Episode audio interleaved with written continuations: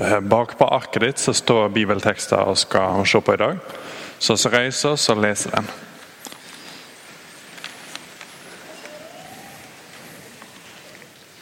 Det er fra Johannes kapittel 16. Dette har jeg sagt dykk, sier Jesus, slik at det når dere tid kommer, skal huske at jeg sa det til dykk.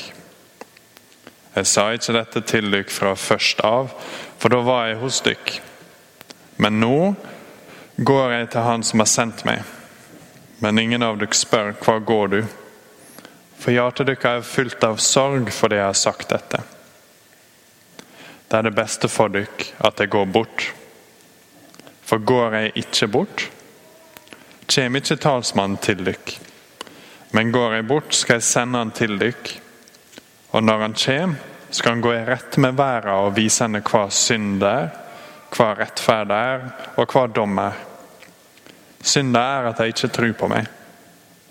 Rettferd er at jeg går til far, og det ser meg ikke lenger. Dommen er at han som hersker over denne verden, er dømt. Nå har jeg mye å si dere, men det kan ikke bære det nå. Men når han kommer, sanningsanden, skal han leie dere frem til hele sanninga. For han skal ikke tale av sitt eget, men tale det han hører, og fortelle dere det som skal komme.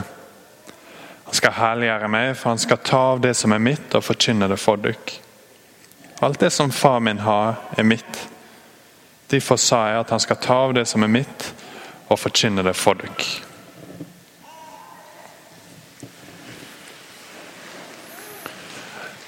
Jesus sier noe ganske um, stort, egentlig, i vers 7. Så jeg skal prøve å forstå hvordan han kan si det han sier der.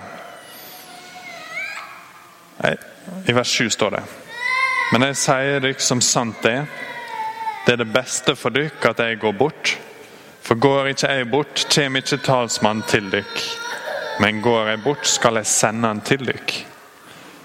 Så han sier at det er det beste for disiplene at han går vekk fra dem. For når han går vekk, når det er fullført det han skulle gjøre på korset, og det han kom for å gjøre, så skal han sende til deg Den hellige ande, som skal komme og gjøre bl.a. tre ting som han snakker om i denne teksten. Han skal nummer én gå i rette med verden og rette opp en del feil og misforståelser om hvem Jesus er og hva, hva han gjør. Han skal også lede apostlene til sannheter, sånn at de kan skrive Bibelen og skrive den med Jesus i autoritet. Og til slutt, kanskje det viktigste, han skal herliggjøre Jesus med å ta av det som er Jesus sitt, og forkynne det til dem. Så jeg skal ta litt tid nå og se på de tre tingene som Jesus sier om Den hellige ande.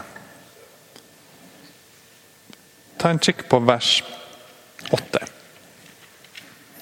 Når han kommer, Den hellige ande, skal han gå i rette med verden og vise henne hva synd er, hva rettferd er, og hva dom er. Og Så kommer det en liten sånn sekvens som er litt vanskelig å forstå. Det er ganske tettpakka, egentlig. Synda er at jeg ikke tror på meg. Rettferda er at jeg går til far, og det ser vi ikke lenger. Dommen er at han som hersker over denne verden, er dømt. Kanskje ikke sånn vers som er helt selvsagt med en gang. Eh, det henger kanskje ikke på kjøleskapsdøra di fra før. Men det Jesus sier her, er at når Den hellige ande kommer, så skal han gjøre et veldig viktig arbeid. Han skal gå i rette med verden og vise hvordan ting egentlig er. Avsløre ting som ikke stemmer, eh, og rette opp en del katastrofale feil. Og En ganske interessant parallell til dette er på pinsedag, når Den hellige ande har kommet. Han er kommet og fylt eh, apostlene.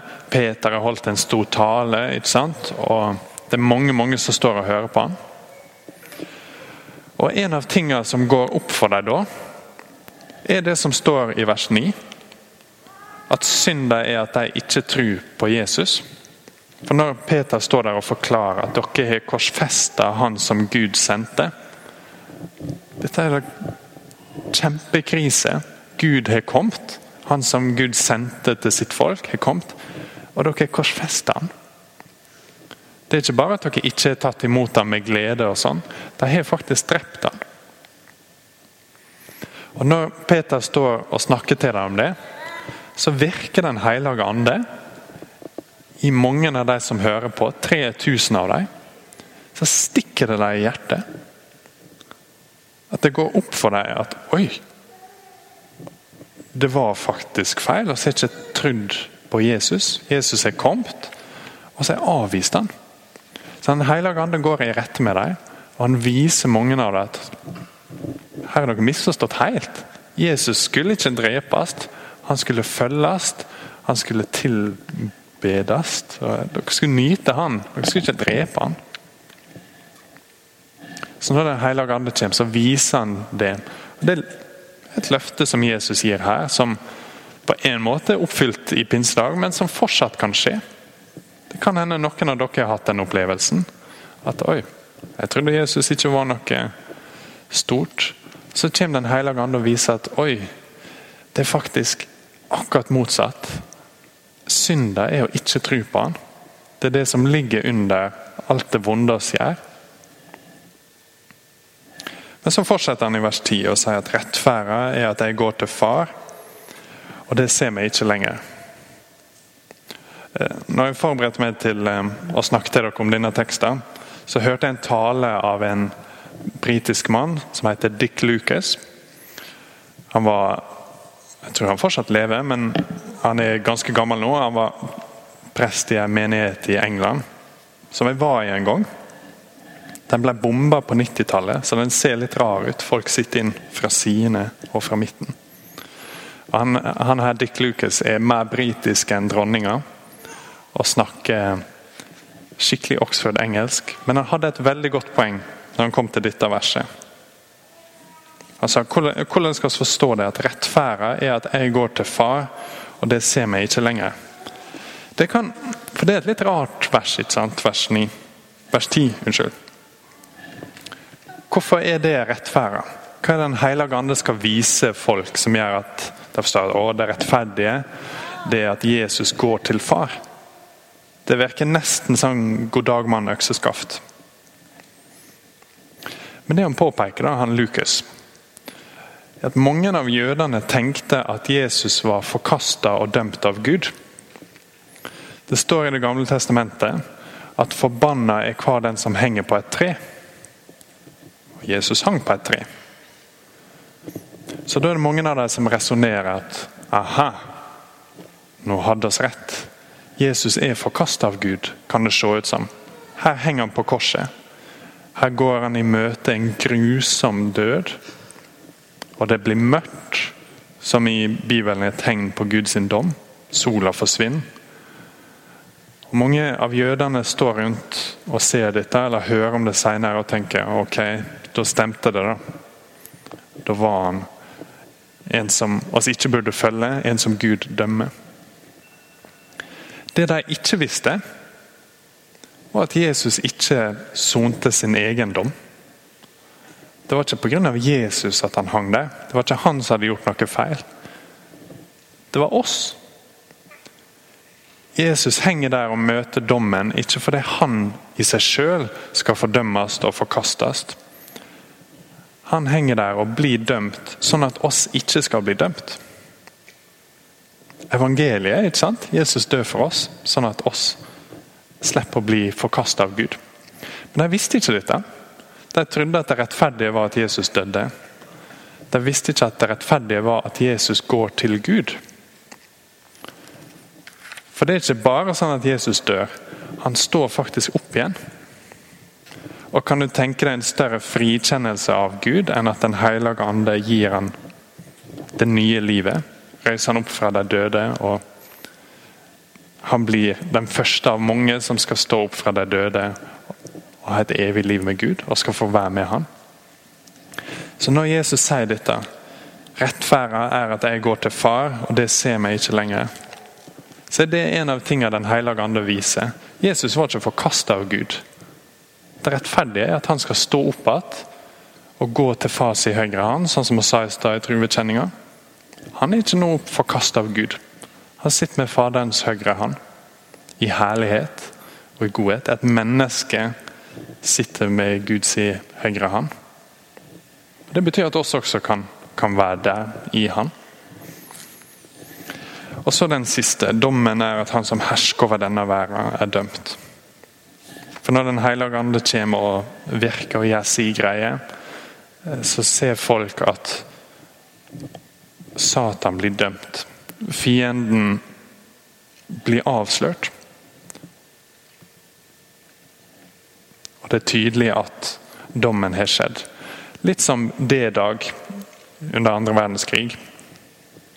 Det er egentlig slutt når D-dag kommer. De allierte har fått hundretusenvis, kanskje bikker det millionen, jeg har ikke de tallene, av soldater inn på det okkuperte territoriet for Tyskland. Krigen er ikke ferdig ennå, Hitler er ikke død ennå osv. Men slaget er egentlig over. Den hellige ande kommer med et sånt budskap og ser det ikke helt tydelig ennå, men Jesus har vunnet. Dommen har allerede skjedd. Fienden har tapt, for Jesus er dødd på korset og stått opp igjen. Så Det sier Jesus. Den hellige ande kommer til å komme, han kommer til å komme med dette budskapet, som dere kjenner igjen, håper jeg. Det er evangeliet. Jesus er dødd for våre synder. Så Han kommer med det til dem, og så har han en spesiell oppgave til dem. Her er noen vers i Bibelen som ikke er direkte til oss. Eh, som er kanskje spesielt til apostlene. Og Et av dem er vers 13. Men når han kommer sanningssanden, skal han leie dere fram til hele sanninga. For han skal ikke tale av sitt eget, men tale det han hører, og fortelle dere det som skal komme. På en måte gjelder det selvsagt oss også, men det gjelder apostlene på en spesiell måte. De skal snart skrive Bibelen. Så oss vet at Det gamle testamentet er Guds ord, bl.a. ut fra måten Jesus omtaler det på. Men nå skal de legge til flere bøker i Bibelen. Og de skal gjøre det med Jesus i autoritet. Og Måten det skjer på, er at Den hellige ande kommer og inspirerer dem, som teologene kaller det. At han gir dem Jesus i autoritet. Han gir dem ordene de skal si, og bruker deres personlighet og skrivestil og erfaringer til å formidle det han sjøl ville ha sagt. Det er et lite poeng, men det er egentlig ganske stort.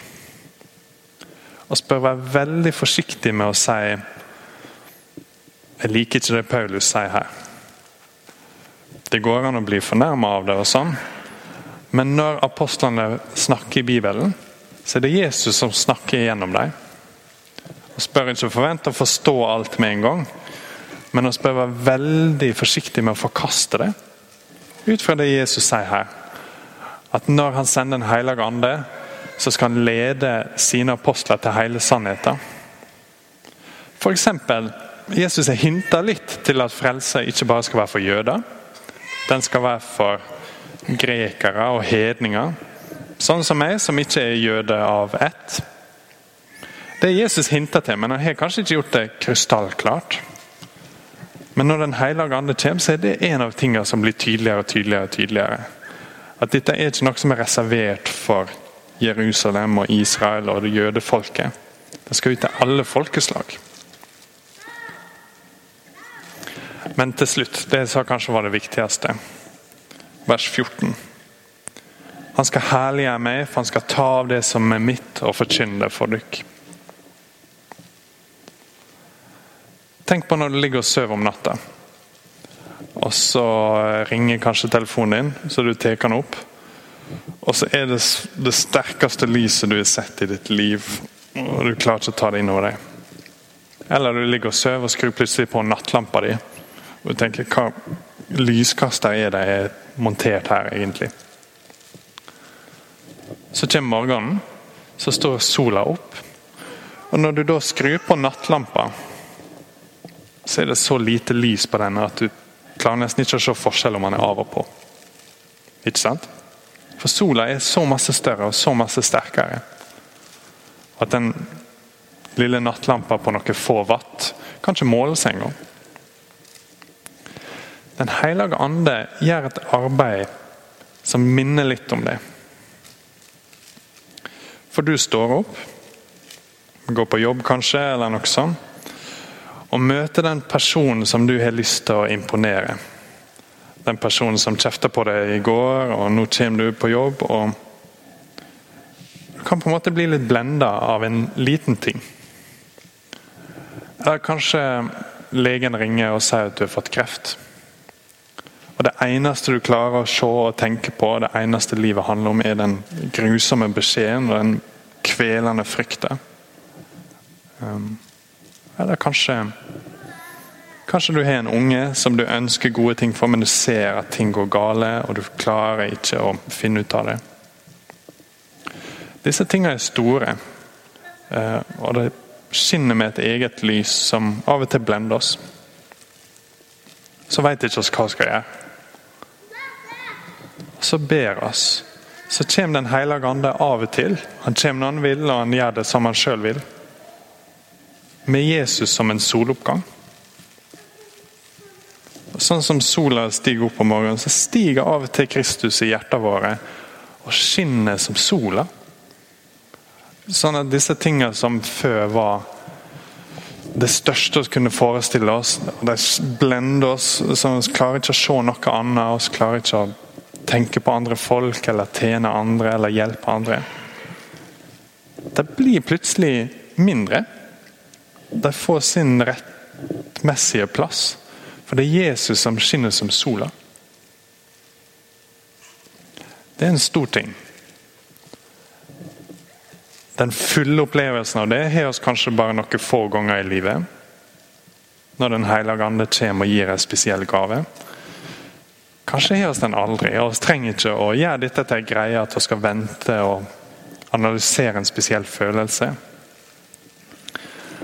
Men faktum er det at Jesus kan stå opp som en soloppgang. Og en dag, i trua på Han, når vi er dødd og går til hans sitt rike, så vil han skinne som sola. Da skal de tingene som virker store her og nå, som av og til er gode og av og til ikke er som gode, men som blender oss fra livet, de skal få sin rettmessige plass. Og han skal få sin plass når han skinner som sola. Så la oss be. Gode Gud, oss takker deg for Den hellige ande og for den gava han er og ber om at han skal vise oss Kristus i dag gjennom eh, Bibelen og gjennom samtaler med hverandre. Og ber om at hans stille kviskring til oss skal kunne være det oss hører etterpå. Amen. Da synger oss 'Kom Hellige Ånd med skapermakt'.